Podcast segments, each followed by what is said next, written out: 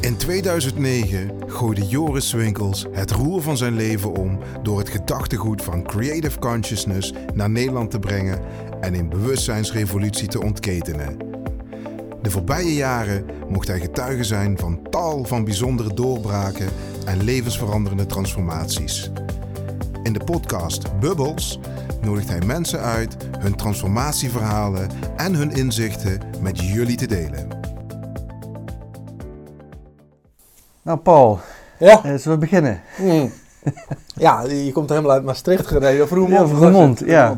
Ja. Ja, Helemaal naar Gouda. Ja. Ja, mooi om hier aan te komen rijden zo langs het water. ja, dat stukje is wel eh, mooi van Gouda. mooi, ja, ja. Nee, eh, mee eens. Ja. Ja. Ja, Maar goed, welkom in eh, podcast Bubbles. Mm. ja superleuk. Ja, leuk dat je de tijd wil maken.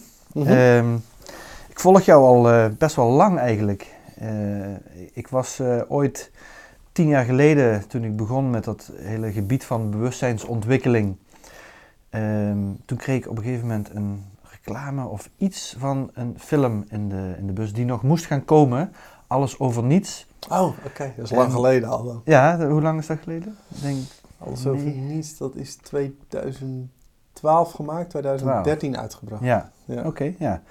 En toen dacht ik van, hè, hè, eindelijk mensen die eh, deze mooie inhoud eh, de wereld in willen gaan brengen. Ja. En eh, nou, sindsdien ben ik je daar een, nou, dat volg ik stolk je niet volgens mij, maar... eh, Nee, je hebt me nooit lastiggevallen. dus, nee, nee, nee, nee. Ik heb je één keer uitgenodigd voor een, een, een- presentatie van een film van iemand, Austin Vickers, die ik uit het buitenland eh, had gehaald om Ah. een film. Maar ehm, toen, dat was niet gelukt toen. Nou, moest je naar de tandarts volgens mij. eh. maar goed, maakt, Oh, ik kan me niet eens meer herinneren. maakt niet uit, maakt niet uit, maakt niet uit.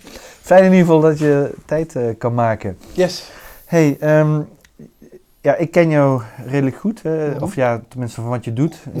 Hè, ik ken jou verder helemaal nog niet. Maar ik, ik kom dingen tegen dat je voor grote podia staat. eh, waarin je ehm, spiritualiteit, bewustzijn eh, met cabaret, eh, met wetenschap combineert voor volle zalen, voor bedrijven. Ik kom je tegen in de filmwereld dan, hè, met een film. Ik kom je tegen met allerlei grappige, humoristische filmpjes die, die een duidelijke boodschap hebben over hoe mensen in elkaar zitten. En nou ja, ik weet niet of de rode draad is om zichzelf niet zo serieus te nemen of zoiets. Nou, dat is wel een beetje de strekking, denk ik. Omdat we... Te, eh, we nemen van alles veel te serieus. We nemen onze gedachten te serieus, onze gevoelens. Eh, we nemen alle emoties te serieus en vooral onszelf. Ja, Dus Als je een beetje onderzoek doet naar wat zijn gedachten en gevoelens en wie ben jij dan, dan kom je op, op eh, hele andere conclusies. En als je dat helemaal gaat doorzien, dan eh, gaat de kramp er wat af. En de meeste mensen die eh, doorzien het niet, dat is niet erg, dat is ook wat het is. Maar dat geeft wel een hoop eh, mentaal lijden. en om daar dan eens even gelijk de diepte in te gaan. Wat, wat is gedachte dan? Wat zijn gedachten dan, als je dat gaat onderzoeken? Nou, kijk, eh, ehm, de mens kon op een gegeven moment, ook vooral toen we taal hadden ontwikkeld, eh, konden we gaan nadenken.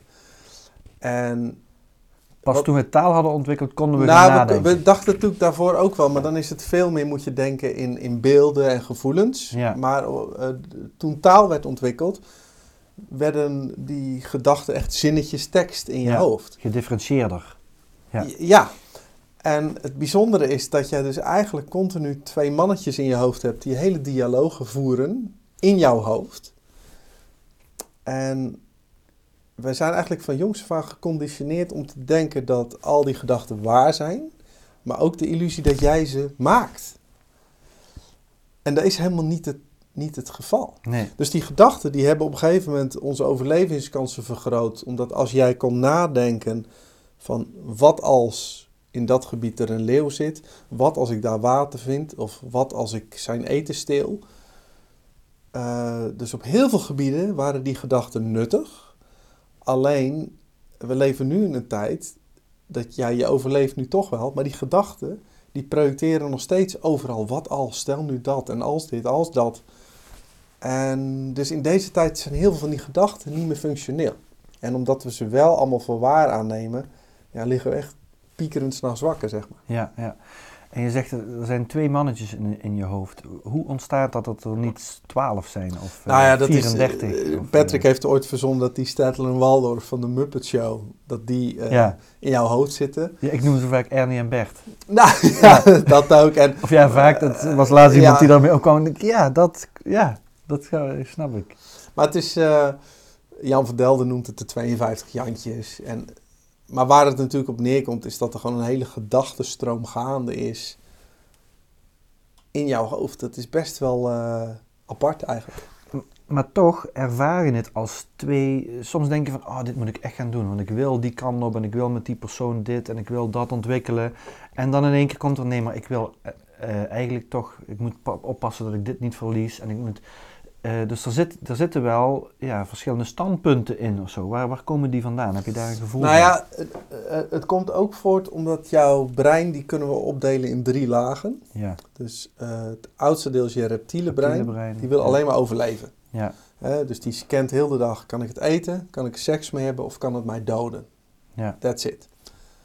Jouw zoogdierenbrein, die daar bovenop zit, als het ware, ehm, die scant continu, levert iets mij plezier op en kan ik pijn vermijden. Dus als ik jou vraag, wat wil je drinken? Dan is het jouw zoogdierenbrein wat zegt, koffie levert mij nu het meeste plezier Ja. op. ja, Eh, dus die kiest voor plezier en gemak. En jouw neocortex is het slimste deel. Dat is het intelligente deel. Daarmee kun je plannen, daar kun je je primaire driften mee onderdrukken.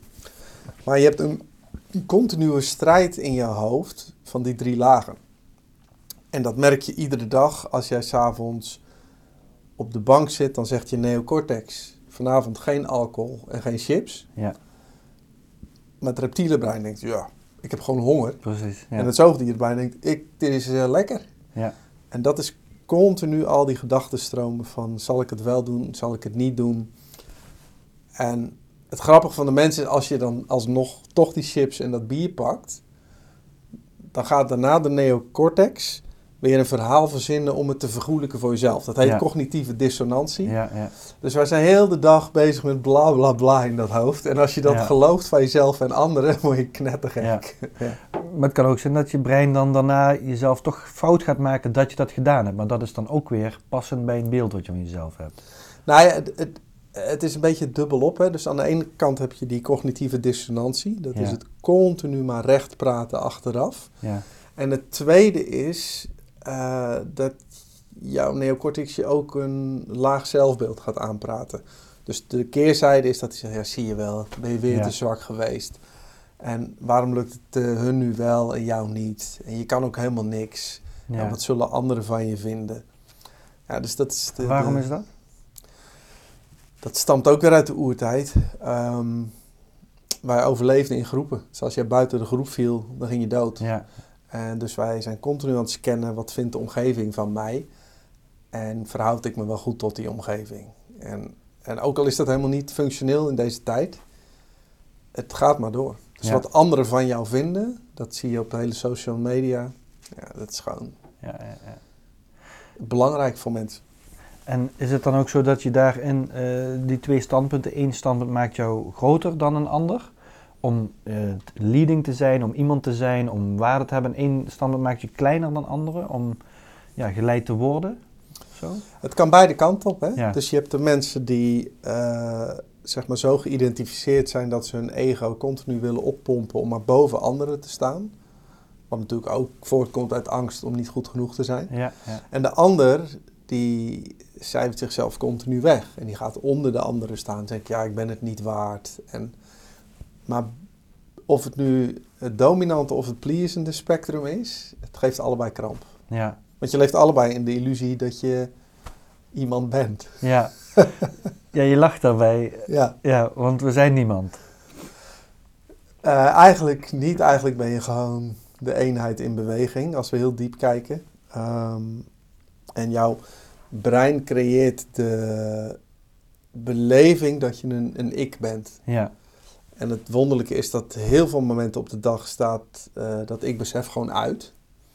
Dus op het moment dat jij zeg maar in je auto hier naartoe rijdt, je hebt een muziekje opstaan, dan kom je in de alfa-stand heet dat.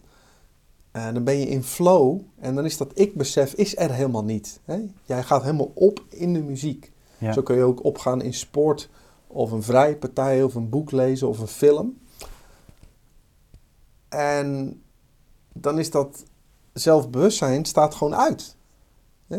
En dan voel je ook dat je totaal ontkrampt bent. Ja. Maar op het moment dat het zelfbewustzijn weer inkikt, dan begint dat ego weer eh, met zijn hele circus. Ja, dan ben je direct, zit je in de kramp. Dat is beta, of wat is dat? Nou ja, dat is voornamelijk de beta-stand. Hè? Dan, Ja. dat is, eh, de beta-stand is waarin je mentaal het actiefste bent. Ja, Ja.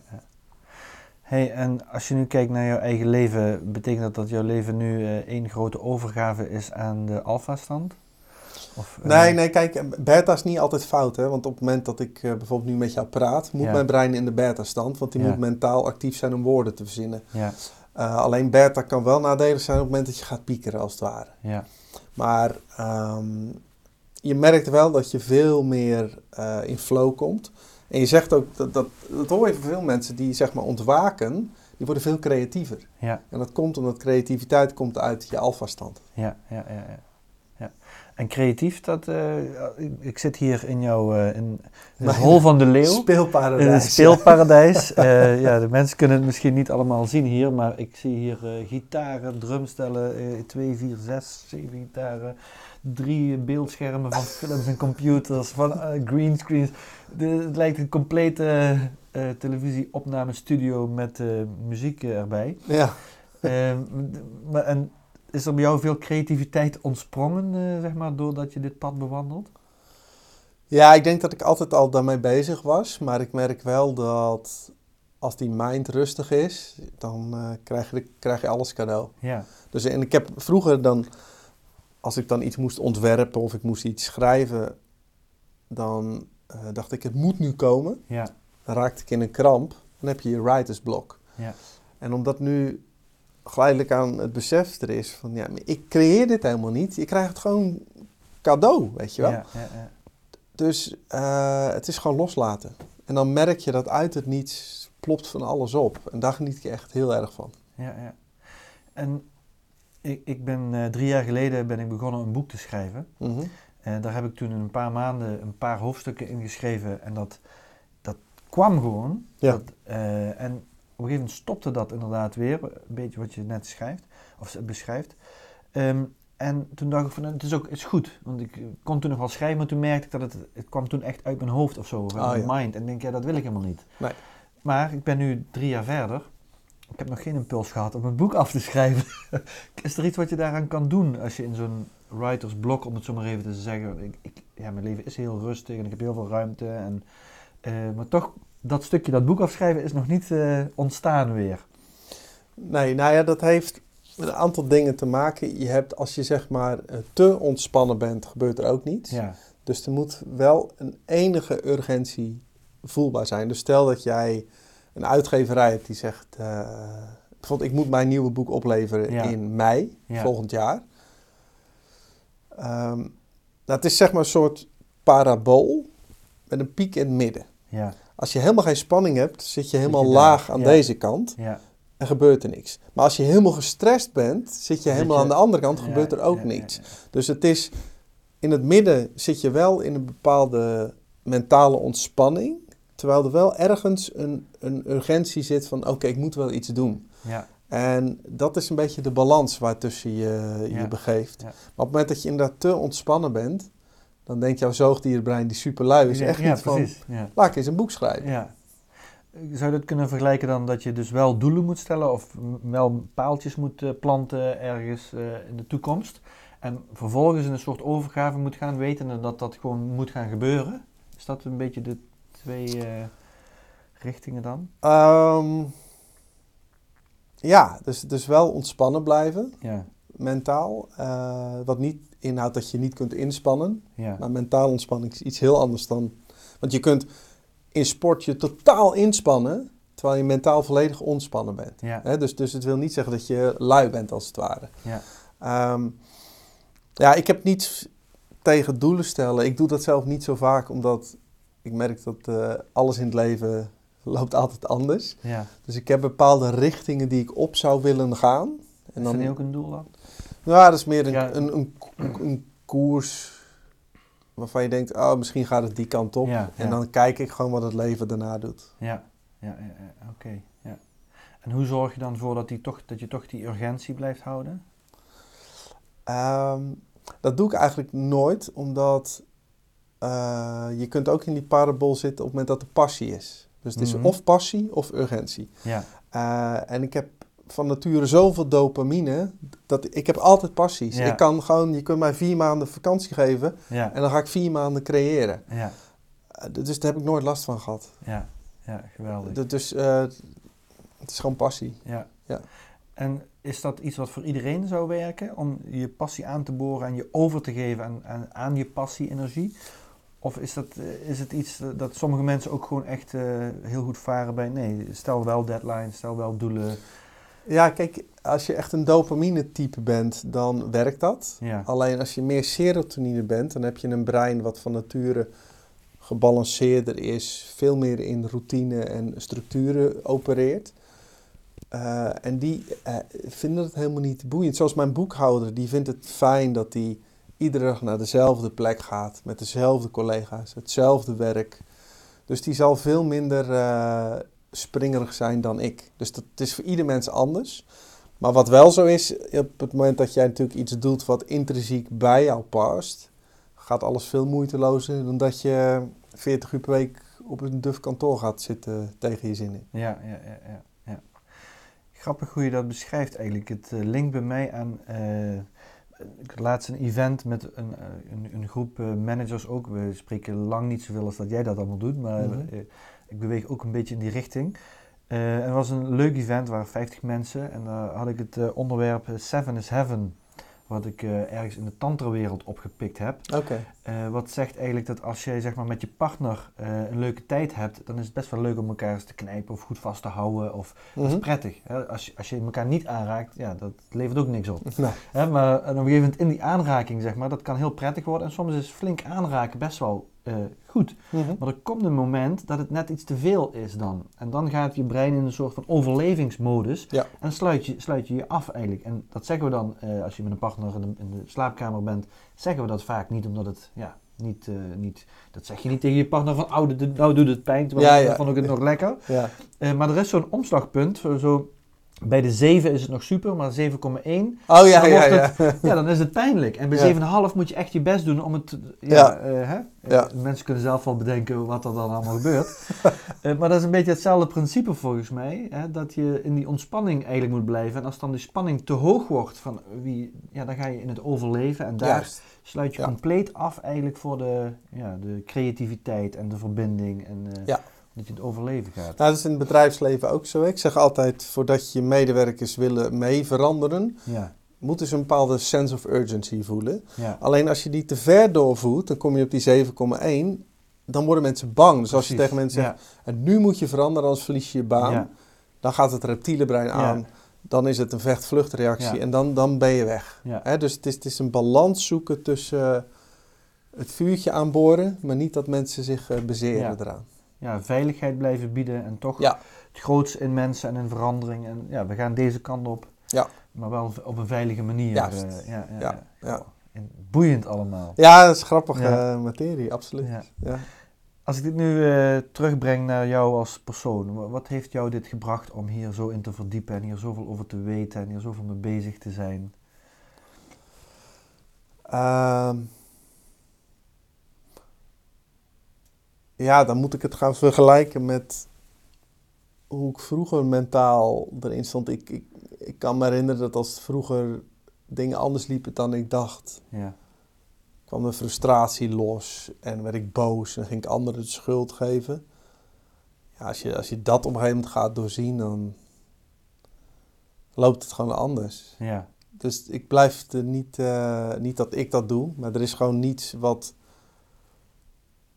vasthoudt dat het nog een soort kramp met zich meeteelt, als het ware. ik ben een relaxter mens geworden daarin. eh, Eh, ja, ik denk het wel. ja, Gewoon, eh, ja, relax, nothing is under control, Ja. zeg maar. ja, precies. Ja. Dus, Geef je maar over. eh, ja. ja, niet dat je dat kunt doen, maar dat kan gebeuren. Ja. ja.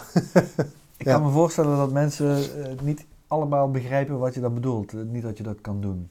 Eh, Kun je, maar ik, ik snap je wel. Nou, kijk, vanuit de non-dualiteit gezien ben jij gewoon een gebeurtenis. Hè? Ja. Dus de zon schijnt, de, de boom groeit, de wind waait Ja. en wij praten. Ja. Dat is allemaal één energie in beweging. Ja, Het enige verschil is dat wij de illusie hebben dat, dat jij en ik afgescheiden zijn en dat wij nu kiezen wat we zeggen. ja, Dat is natuurlijk helemaal niet waar, ook neurowetenschappelijk gezien niet. ja, Alleen jouw brein creëert die illusie. En als je nou in die illusie gelooft, dan heb je continu kramp. Want dan denk ik, oh, heb ik wat goede gezegd? En wat zal hij van me vinden? Wat zullen de luisteraars denken? En straks hebben we niet genoeg likes. En dan ga je de kramp in. En als je gewoon ziet dat dit het leven is wat zich ontspringt als een soort dans, dan aanschouw je wat er gebeurt. Dus Ja. een heel andere zienswijze. Dus Ja. wij zijn zeg maar het bewustzijn wat nu waarneemt wat hier plaatsvindt. ja, Dus, dus het is zelfs zo dat de woorden die daaruit komen of hieruit komen, maakt geen verschil. Het wordt door mijn gewaarzijn allebei moeiteloos waargenomen. ja, Alleen creëert het brein achteraf nu het idee dat dit geluid van mij is en dat dat geluid van jou is. Nu gaan we wel heel diep gelijk, maar die illusie en afgescheidenheid, dat eh, is, is, eh, zorgt voor kramp. ja, ja. En als je, als je in zo'n diep, eh, diepe staat van bewustzijn zit, dat je daar, ja, dat, dat de wereld zo in elkaar zit. Wat maakt dan nog dat je het stukje zelf overleven, het stukje zorgen dat je de rekeningen kan betalen, gaat dat dan ook allemaal vanzelf eigenlijk? Of, Dat ging heel je leven al vanzelf. Want eh, zie jezelf even heel eh, zwart-wit genomen als een robot die geprogrammeerd is om te doen wat hij doet. ja, Hè? En, en het stukje reptiele brein zorgt wel dat je overleeft. Het zoogdierenbrein zorgt wel dat je plezier en gemak kiest. En neocortex denkt nogal wat na. Maar er zit niemand in jou die dat doet. Dus, dus eigenlijk een soort robot wat nu praat en beweegt. Eh, is het natuurlijk niet echt een robot, maar nee, het is gewoon een zeer geavanceerd systeem wat moeiteloos voortbeweegt. Er zit niemand in die boom naar buiten. Er zit, die boom denkt niet, oh, ik groei nu. En och, vandaag is het wel erg koud zeg. En waarom sta ik nou eigenlijk op deze plek? En eh, alleen de mens heeft dit. Ja, precies. Ja. Ja, ja. En een, een robot, eh, het, kan ook een, het leven zijn. De, de, de chaos of dynamiek van het leven, die bestuurt dat dan. nou ja, Die, dat is het. Ja, eh, hè, tuurlijk. die, eh, ja. ja. Ja, ja, ja, ja.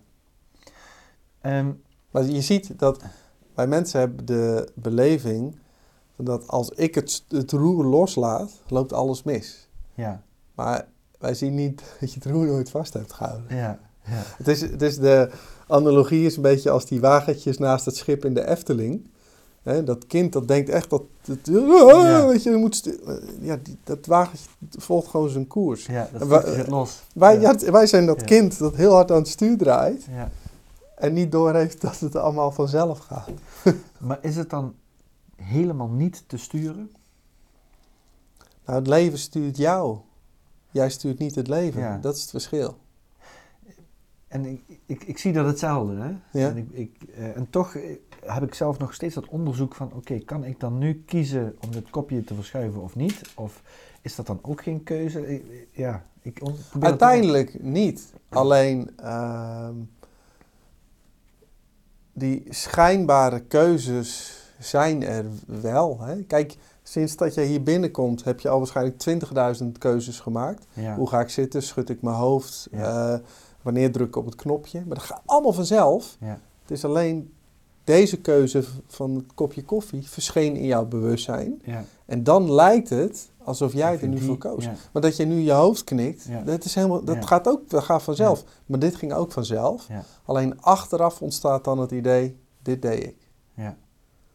Dus uiteindelijk gaat alles vanzelf en eigenlijk effortless, Ja, inspanningsloos. Terwijl ja, de, de enige die daar dan eh, lijden door heeft of eh, moeite mee heeft, dat is onze neocortex die dat daar een juist. verhaal van maakt eh, dat dingen anders hadden gemoeten of... Ja. Ja. Ja.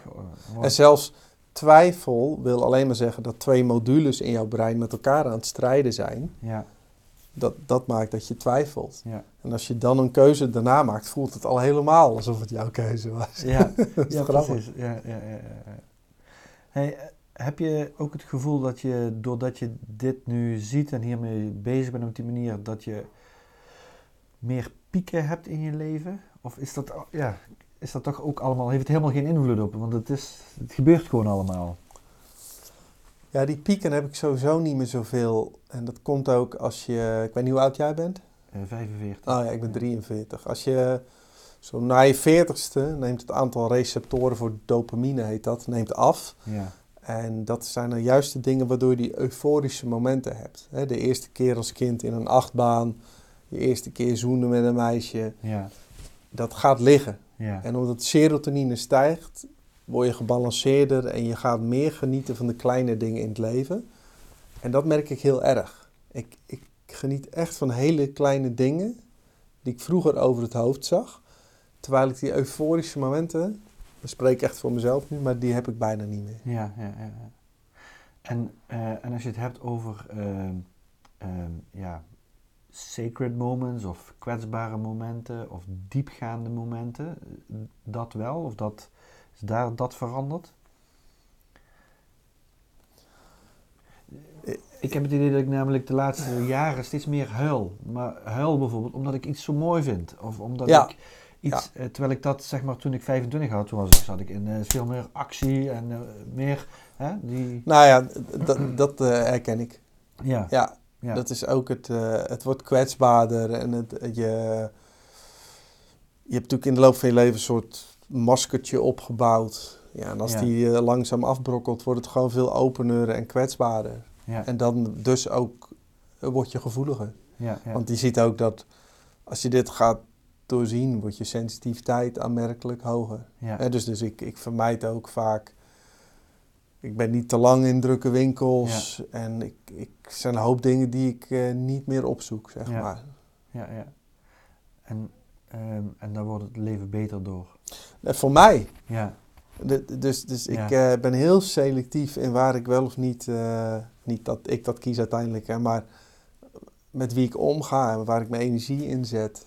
En eh, ja, dat maakt het wel ook relaxed. eh. ja, ja, ja. ja. Hey, en ehm, die kwetsbaarheid en op, en op die manier mogen leven, het leven beleven, eh, recep- receptief zijn voor wat het leven en verbindingen en dingen te bieden heeft. Ehm, ja, dat, voor mij is dat iets van, in mijn persoonlijke sfeer vind ik dat heel prettig. Maar ik heb ook een gevoel van, kan, ja, kan ik dat, zou het bedrijfsleven of zou, zouden de grotere structuren op deze wereld dat niet ook nodig hebben? Om meer humble, meer eh, receptief, meer receptief voor het grotere geheel. Dat, eh, herken je dat soort eh gedachten of gevoelens? Ja, kijk, dat is ook per bedrijf anders. Hè. Je hebt echt heel veel verschillen in culturen, merk ik. Ehm, soms komt bij een bedrijf dat je echt voelt, oh, hier is een soort, hier is verbinding en vertrouwen met elkaar. Hier zijn mensen open. En dan zie je ook dat mensen authentiek worden. Je ziet dat het kwetsbaar is. En dat is natuurlijk een feestje, dat soort Ja. bedrijven. En ik kom ook bij veel bedrijven waarbij iedereen in hun harnas eh, rondloopt. En dat is ook voor die mensen niet leuk. Het Ja. zijn zulke structuren waar je dan in vast zit. Ehm, maar het ligt er maar net aan welke mensen in dat bedrijf zitten en of je een goede leider hebt. Kijk, als de leider al niet wakker is, dan, dan gaat hij de rest ook niet Ja. wakker schudden. Ja, ja, Dus dat, eh, dat, dat- er zit heel veel diversiteit in. En soms heb ik mensen dat ik in één keer denk, wauw, weet je wel, jij bent gewoon echt zo authentiek. ja. En dat vind ik, dan vind ik iemand super boeiend om mee te praten. En ik heb ook wel af en toe van die voorbesprekingen dat mensen, die spelen allemaal een rol. En dat Ja. doet echt pijn in mijn buik. En dan hou ik ook het gesprek kort, dan neem ik het over en dan ga ik de vragen stellen. Om het maar een beetje energiebesparend te laten Ja. verlopen. ja. Maar als iemand echt super authentiek en kwetsbaar is, dan kun je gewoon een uur mee praten. En dan, dan loop ik ja, fluitend de deur uit, zeg maar. ja. En heb je het gevoel dat er een toename is van dat soort leiders in deze maatschappij waar we leven? Eh, ja, ik denk wel dat dat een natuurlijk proces is. Ik denk dat ook de nieuwe generaties daar ook weer anders in staan. Eh, Dus ik vind het eh, op veel vlakken steeds opener worden. Ja. Ja. Ja, ja mooi. Ik, ik ook. Fijn. Ja? Oh, Ja, oké. ja, Ja.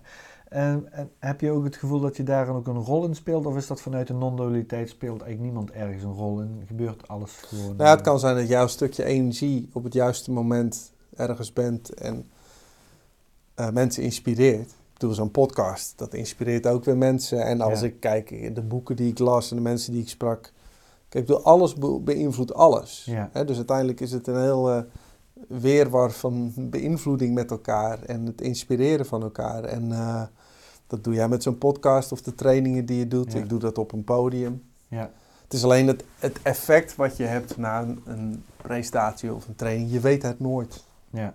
En ik vind wel, als je al, want dat zie ik bij sommige coaches, die hebben als doel om jou te gaan helpen. ja. En dat wordt heel tricky. Ja. Want dan ga je alweer verwrongen handelen. Mhm. Dan, dan eh, zit er alweer een agenda aan. Precies, ja. Agenda, eh, überhaupt Of- een agenda dat je kan helpen en dan moet helpen en dat jouw agenda dat is wat Ja. de ander zou helpen. Juist. Ja. Dus dat ook, ja.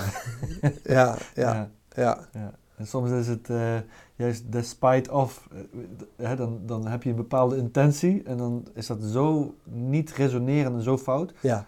En dan helpt het misschien op een andere manier, maar compleet anders dan dat je de bedoeling had. Dat ja. is echt zo. Ja. Ja. en ik heb een hoop trainers dood zien gaan van groepen hoor. Ja. Omdat ze of nog met zichzelf bezig waren, of heel erg bezig waren van ik ga jullie veranderen. Ja. En dan kun je beter gelijk een kuil graven. Ja. Ja. Ik vind het nog leuk, die, die... Aan de ene kant hebben we dus een soort van een wereld waar, we, eh, waar eigenlijk alles vanzelf gaat. Mhm. En misschien is dat de, de wereld, of de waarheid, of de, de- ja, iets wat er, ja, wat er gewoon is. Waar je niet meer heen kan, en waar alles vanzelf gaat. Waar we ons bewust van kunnen zijn. En tegelijkertijd is er een wereld waarin dat wij denken dat wij in het stuur zitten. En dat wij eh, marketing moeten doen om onze trainingen te verkopen. En Ja. Eh, naar seminars moeten gaan om beter te weten hoe we die marketing moeten doen. Mhm. En eh, weet ik voor wat allemaal. Is het nou zo dat die twee werelden dan eigenlijk echt 0,0 impact op elkaar hebben? Nee, het, vindt, het is een paradox. Dus het vindt allebei tegelijkertijd plaats. Ja, En mensen zoeken altijd de waarheid moet in het midden liggen. Nee, het is de blauwe en de rode pil, zoals in Ja. de Matrix. Het is allebei direct. Dus, dus ja, alles gaat vanzelf. En ja, het lijkt alsof jij de doener bent. En dus als jij eh, meer wilt verkopen, ga je naar een marketingcursus. Of, Ja. of eh, desnoods ga je naar een therapeut. Eh, Het is allemaal goed. Ehm, en dat is, dat is een misvatting. Hè? Soms denken mensen, oh, als alles vanzelf gaat, hoef ik niks te doen. Ja. Nee. Het lijkt alsof jij de doener bent. Dus je doet automatisch ook van alles. ja, En dit is, dit is het moeilijkste van die hele non-dualiteit. Dat dus twee realiteiten tegelijkertijd plaatsvinden. ja, ja, Dus ik zeg altijd, blijf maar gewoon, je leeft gewoon alsof jij jij bent en alsof ik ik ben. En zo speel je het spelletje. Hè? En als ik eh, meer conditie wil, moet ik meer gaan hardlopen. En als ik beter wil leren drummen, moet ik veel oefenen. Dat zijn gewoon hele aardse normale wetten. En als ik, als ik honger heb, ga ik eten. ja, Ja? En tegelijkertijd weet ik dat alles wat er gebeurt, heeft nooit anders kunnen zijn dan dat het is. ja, Dus, en maar dat is de grootste, daar zijn ook zen-boeddhisten vaak twintig jaar mee bezig om dat te, te rijmen, zeg maar. ja, En dat is het lastige. ja, ja, ja. Ja, en het, het is niet zo lastig op het moment dat dingen heel goed gaan of leuk zijn, maar op het moment dat je mensen kwetst of zelf door een afscheidperiode gaat of iemand overlijdt, of, eh, ja, dat zijn momenten waar het soms lastig is. Eh, als iemand een kind verliest op een hele jonge leeftijd, ja, zeg maar als dat het niet anders had kunnen gaan, eh, of weet ik wat, ja, dat kan ons brein moeilijk bevatten, denk ik. Nou ja, aan de ene kant zie je dat, dat het nooit anders heeft kunnen zijn. ja, En dat kan wat lijden besparen doordat niet die gedachtenstroom is wat als hij of zij er Ja. nog was geweest. Of ik had het anders kunnen doen. ja, Eh, daarnaast is het natuurlijk super biologisch natuurlijk dat je daar eh, heel lang verdriet van hebt en dat dat emotioneel pijn doet en dat je eh, dat probeert te verwerken. Dat, dat vindt ook gewoon plaats. ja, ja, ja. Dus het is niet van, oh, het heeft nooit anders kunnen zijn, ik heb geen emoties. Nee, zo ben je niet gebouwd natuurlijk. Hè? Dus, dus ook de goeroes uit India, als die een kind verloren, dan gingen ze gewoon huilen. ja En waren ze ook ja. verdrietig en dan misten ze het kind ook. Alleen er was niet het mentale lijden van het had anders kunnen zijn dan dat het nu Ja, is. ja. En dat maakt wel dat eh, dat verwerkingsproces wat natuurlijker en moeitelozer verloopt. Ja, ja, ja. Heb je misschien zelfs ook het gevoel dat je juist emoties meer beleeft?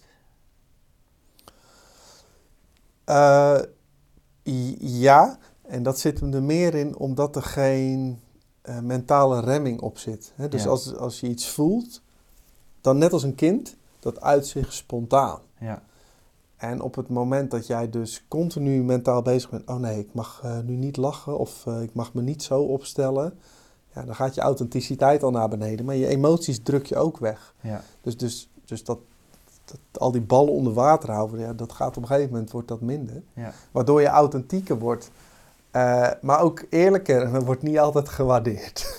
Nee? Nee. Nee. Want?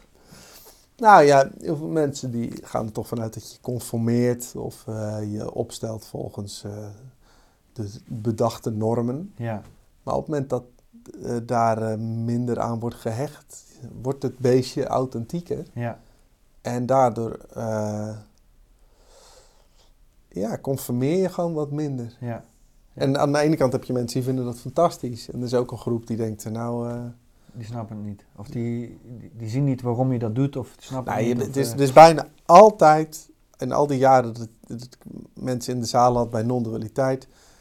Als dit gaat integreren, je relatie ontploft. Het, het, ik heb zelden een uitzondering gezien. ja. Dus ik zei altijd, eh, als je je relatie wil houden, kom niet hier. ja, Als grap. ja, Maar omdat vaak zie je bij relaties dat er een bepaald een subtiel manipulatief spel is. Hè? ja, De een domineert een beetje, de ander please. Je houdt Ja. elkaar een beetje chemisch in stand.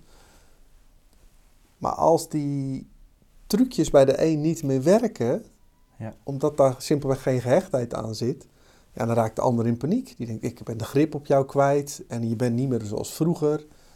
En die, als die dan gaat proberen met trucjes te manipuleren, ben je ongevoelig. ja. Ja, en dat, dan eh, gaat vaak niet goed. Ja, ja, ja.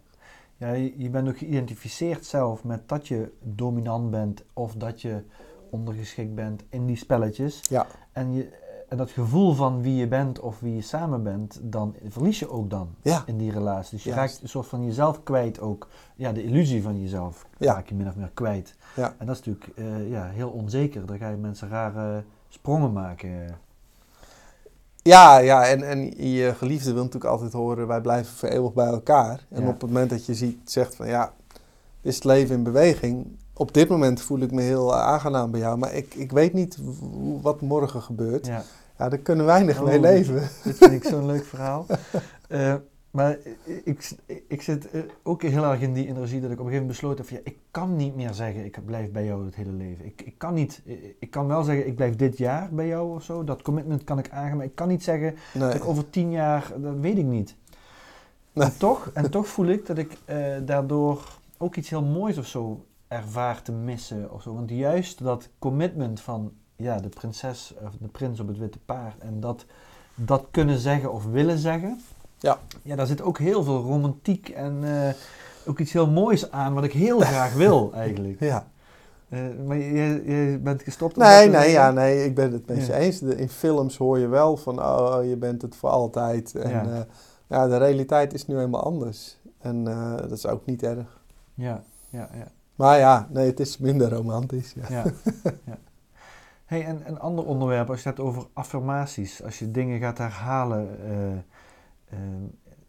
ik, ik leef in de veronderstelling dat als je dus dingen gaat herhalen, dat, dat, dat die dingen veel waarschijnlijker worden. Ja, dat is dus onzin in de, de non-dualistische gedachte. Nee, Eh, het, is, het ligt eraan hoe je de affirmaties doet. Ja. Eh, er is veel onderzoek naar geweest. Eh, wat veel mensen doen is à la The Secret. Ja, Die visualiseren de uitkomst. ja, Nou, dat blijkt dus averechts te werken. Want eh, stel je wil een eh, beroemd zanger worden. ja, En je visualiseert de hele dag dat je eh, op het podium staat. een Staande ovatie. eh, dan denkt jouw brein, oh ik heb het al gehaald. ja. En dan wordt die luier en de passie neemt te terug. Wat wel werkt, is of jij jouw brein nu traint in gedachten of in het echt, dat maakt niet uit. Ik moest gisteren Bohemian Rhapsody inspelen. En toen zat ik in de bioscoop in een film, die was zo slecht dat ik gewoon tijdens de film mentaal heb ik de drum geleerd. Ja. En mijn vriendin die speelt viool in orkesten, die leert ook mentaal. Want Ja. als je alles moet doen op de viool, krijg je blessures. Dus die gaan gewoon die noten langs en die leren mentaal.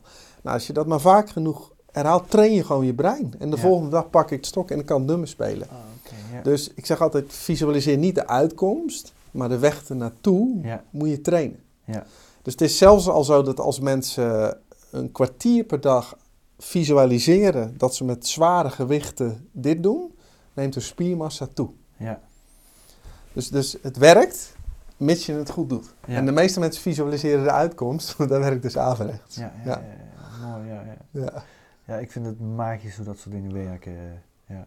Ik, ik werd laatst eh, geïntroduceerd aan het feit dat zo'n gebedsketting, eh, ik heb er eentje ook om, eh, uit de oude ja, zen-boeddhisme en India gebruiken ze die en eh, veel plekken, dat die 108 eh, schakels heeft of kralen heeft die zeg maar een soort uitgaande beweging hebben om 108 keer herhalen Oh ja. wat, je, ja, wat, wat het gebed is of wat, wat, de, wat de wens is waar ze naartoe gaan. En, Ja.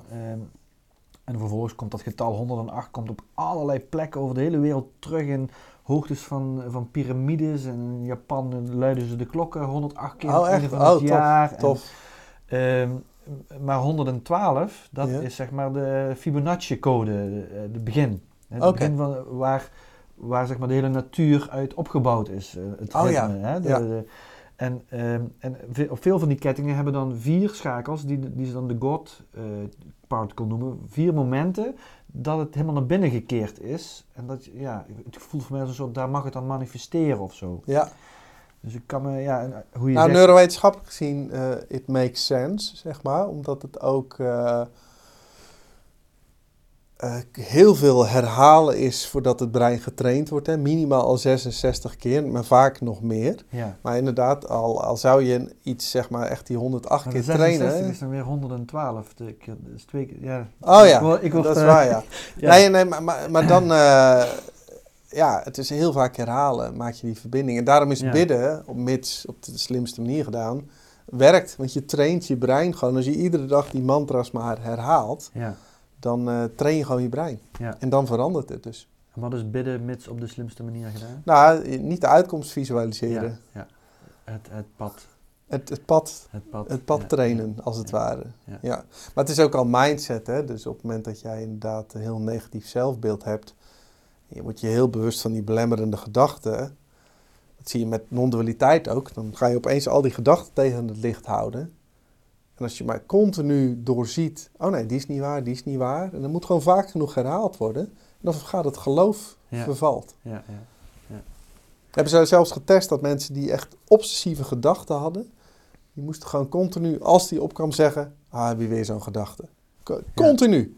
En dan train je je brein en die gaat, het onthechten begint van die gedachten. En die Ja. mensen konden ze letterlijk meten in de hersenscanner. Die hadden veel minder activiteit op de thalamus. En dus het werkt. Ja, Ja. ja. Leuk. Ja, ik, ik moet zeggen, ik hou me minder bezig met de wetenschappelijke kant eh, ervan. Eh, vroeger ben ik ooit als fysiotherapeut afgestudeerd en daar Ah, was alles wel heel erg wetenschappelijk. eh, maar op een gegeven moment werd mijn wereld zo geopend door allemaal dingen die ik helemaal niet kon verklaren. Denk, ja, wat ga ik dat nog allemaal doen? Maar ik vind het leuk, ja, je hebt echt overal ook de wetenschappelijke achtergrond Nou ja, dat in, zit eh, meer, dat had ik vroeger ook niet. Maar toen ik het bedrijfsleven inging, hè, dat is toch een iets, eh, over het algemeen, dat generaliseer ik even, iets rationeler Ja. eh, be- belicht. En op het moment dat ik nu voor IT'ers eh, sta Ja, en ik belicht het wetenschappelijk, ja, met bits en bytes in het brein, dan gaan ze allemaal met me mee. ja, Dus je hebt het niet nodig, gewoon voor het ontwaken, maar het dient mij in mijn prestaties, laat ik het zo zeggen. Ja. Want wat je net beschrijft eh, in het, zeg maar, het onthechten van bepaalde gedachten, eh, om te herhalen van, nou heb je weer zo'n gedachte. Ik doe het ook wel eens andersom met eh, mensen. Dat als ik merk dat ze een bepaalde richting op willen en ze, willen die, en ze gaan die gedachte of affirmatie of stelling gaan ze herhalen en het werkt niet, Ja. dan zeg ik, dan ben je de stand behind the stand. Dan ben je dus een andere gedachte geweest eigenlijk, terwijl je dit aan het proberen te ja. creëren was. ja. En die andere gedachte willen ze vaak niet hebben. Die is, ik kan het niet. Of, maar als ik die volledig eh, eh, als ik ze daar volledig in laat gaan, van ga eerst maar eens zijn volledig voelen dat je het niet bent. Dat willen ze niet. Maar op het moment dat ze dat doen, oh, dan mag dat een stukje ook weer eh, Ja. verdwijnen. En dan, dan is die hele energie die daarin vast zat, die komt dus vrij om die nieuwe richting op te gaan. Zeg maar. ja, ja. Is dat ook wetenschappelijk te onderbouwen? Nou ja, nee, eh, maar dit zit als vanuit non-dualiteit gezien ben je vaak geïdentificeerd met iets, Ja. zonder dat je het soms ook doorhebt. ja, Hè, dus de, de, uiteindelijk de directe bevrijdingsweg is gewoon allemaal inzien dat je dit, je bent dit niet. ja, En, en, en alles manifesteert zich geheel vanzelf. En als die identificatie er vanaf gaat, is er simpelweg het waarnemen ja, van wat er is. Het is ook heel simpel te zien dat eh, een gedachte komt op, maar wie is het die hem waarneemt? ja. Wij denken dat we die gedachten zijn, maar wij zijn het bewustzijn Dat die gedachte dat die gedachte waarneemt. En als je dat gaat zien, dan zie je dat dat bewustzijn, daar is nooit iets mee aan de hand. Dat Ja. neemt alleen maar waar. En daarin verschijnt en verdwijnt alles. Maar als je dat wat verschijnt en verdwijnt niet meer identificeert, dan is automatisch kan alles er gewoon zijn. Ja, Is er geen gehechtheid, ja, en dan vervalt de kramp. Ja. Dat kan niet in één dag, maar het is wel eh, de directe bevrijdingsweg. ja, ja, ja. Hey, en heb je daardoor ook ervaren dat als je niet meer die gedachte bent en je wordt je bewuster dat je het bewustzijn of het gewaarzijn bent, eh, dat dan eh, het gewaarzijn ook uitbreidt buiten jouw persoonlijk gewaarzijn? Dat het Nou ja, gewaarzijn wordt? Of, Al- Als je eh, zeg maar helemaal in dat gewaarzijn zit, is er ook het gewaarzijn van het persoontje. hè? Dus het persoontje ben jij ook niet. ja, Dus, dus het gewaarzijn, en vanuit de Advaita gezien, is er maar één gewaarzijn. Dus het bewustzijn wat daardoor kijkt, is hetzelfde als wat Ja. hierdoor kijkt. En dat is natuurlijk, eh, dat heb je soms ook met psychedelia of piekmomenten. Dan, dan opeens zie je van, wauw, maar ik ben het hele universum ja, en niet dit poppetje. ja. Heb je dat wel eens gehad, zo'n ervaring? Ja, een paar keer gehad zonder drugs zelfs. Ja. Dus dat, eh, ik ben nooit zo van drugs. Nee. maar eh, nee, dat kan op veel manieren. En door dat, want wat, wat, wat triggerde dan zo'n ervaring? Niks. Ik had mijn auto voor een grote beurt weggebracht. En ik loop... eh, ze hadden geen ruilauto, dus ik liep een uur lang naar huis. En Ja. tak, poef en alles. Ik, kan, ik weet het ook niet. In één keer Ja. was alles anders. Ja, En dat heeft drie dagen geduurd. Toen eh, was het weer weg. Dat heb ik een paar keer gehad. ja, Maar het is gewoon, het is zelfs neurowetenschappelijk te verklaren, maar ehm, het geeft wel inzicht, zeg Ja. maar, van wauw. ja, Dus iets diepers dan dit aardse gedoe. Ja. mooi. Ja. mooi ja, ja, ja. En als je nu kijkt naar je leven, wat, wat zijn nou de dingen waar je echt blij van wordt? En ik, eh, kleine dingen, wat ik al zei. Ehm, en creatief bezig zijn, dat past het beste bij mij. Dus ik vind het gewoon heerlijk om dingetjes te creëren en dan eh, op te treden. Maar ja, ik zie wel wat er gebeurt. Ik heb ook niet echt doelen of zo. Het is Ja. gewoon, je aanschouwt dat wat het leven je brengt. En Ja. ja. ja, soms gaat er iets mis, soms lukt het. En op beide moet je lachen, zeg maar. Ja, Ja.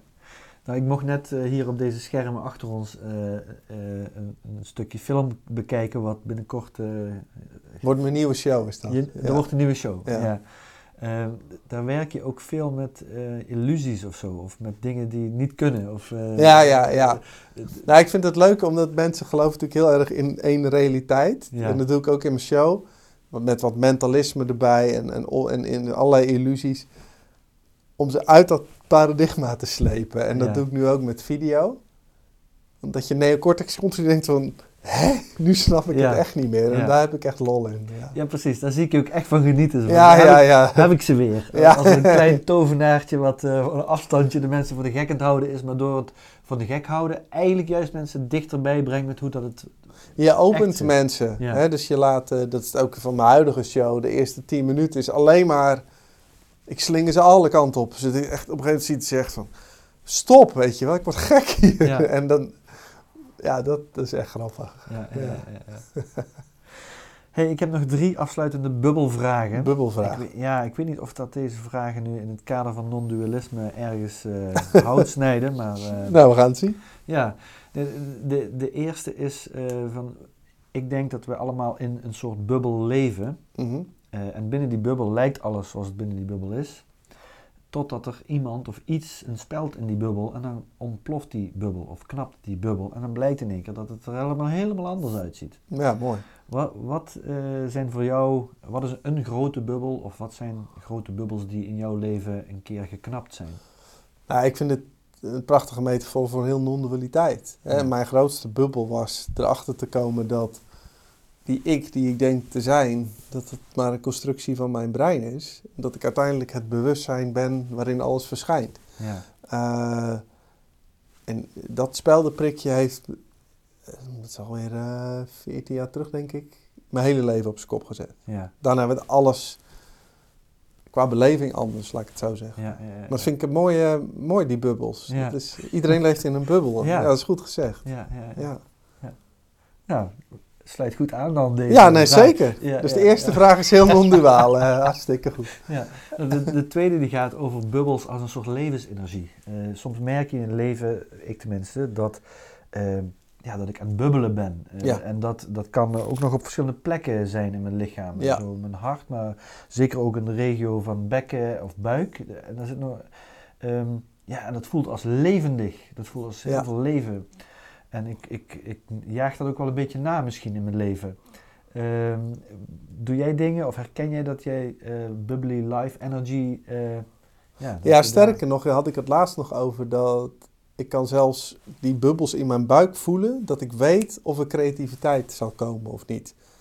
Dus dan je, dat, het voelen van de inspiratie. Ja. En soms dan loop je helemaal over, denk je, als ik nu of een nummer schrijf of dit, dan, dan rolt alles Ja. eruit. En, dat, dat, en, en dat, wat ik ook het mooie van creativiteit vind, is dat je uiteindelijk ook in je buik voelt Ja, of iets wel of niet klopt. ja, En soms heb je iets gecreëerd en dan voelt het deels goed en dan voel je nog ergens, hier moet ik aan schaven. En dat, of dat nou met comedy is, een schilderij, een gedicht, iedere kunstenaar weet dat. En, en dat is echt tof, vind Ja. ik. Dat je dat zo precies kunt aanvoelen. ja. En dan voel je dat in je buik of in je bekken? Of Nou, dus ik, ik, sommige mensen voelen het in hun hart, ik voel het dan in mijn buik. Dus, Ja. dus iedereen heeft daar zijn andere Ja, gevoelens bij. Maar ze, ze herkennen wel dat je... Het is buiten het ratio om allemaal, dat creëren. Hè? Dus je voelt gewoon, hier zit iets. ja, ja. Ja, Mooi. ja. ook, Bubbles is goed gekozen als ik het zo zie. Ik had er nog niet over nagedacht op Ja. die manier, maar ja. dat heb je goed gedaan. Ja. Nou, het was niet echt een keuze die ik maakte. Nee, hè? verscheen in jou. Ja, precies, ja. Hey, en de laatste die gaat over het proosten met bubbels. Ehm, ja, ook dat eh, als je ergens trots op mag zijn, waar ben je dan heel erg trots op? Eh, ja, dat is een goeie. Ik, ik weet niet of ik dan zeg eh, trots op wat ik heb gemaakt, omdat dit ook maar gewoon eh, begon. Ja. Ja, Ik weet niet of het trots is. Ik ben gewoon dankbaar dat mijn leven zo is zoals nu. Ja. Omdat, eh, ja, het is echt feest, zeg maar. Ja, Dus, nou ja, het is, als ik soms iets maak wat het publiek raakt, ik weet niet of ik dan trots ben, maar daar geniet ik wel heel erg van. Dat ik denk, oh, dat is leuk dat dit zo, eh, ja, zo ontstond. ja, ja, ja, ja. Ja, Mooi, mooi. ja. Paul, mag ik jou hartelijk bedanken Het was voor eh, eh, gezellig. Ja, deze podcast. jou zeker. Ja? Ben jij ook toe aan een bruisender leven of een bubbelende business en denk dat Joris daarin kan helpen? Bezoek dan onze website. Neem contact op via www.bubbles.cc. Tot de volgende bubbels.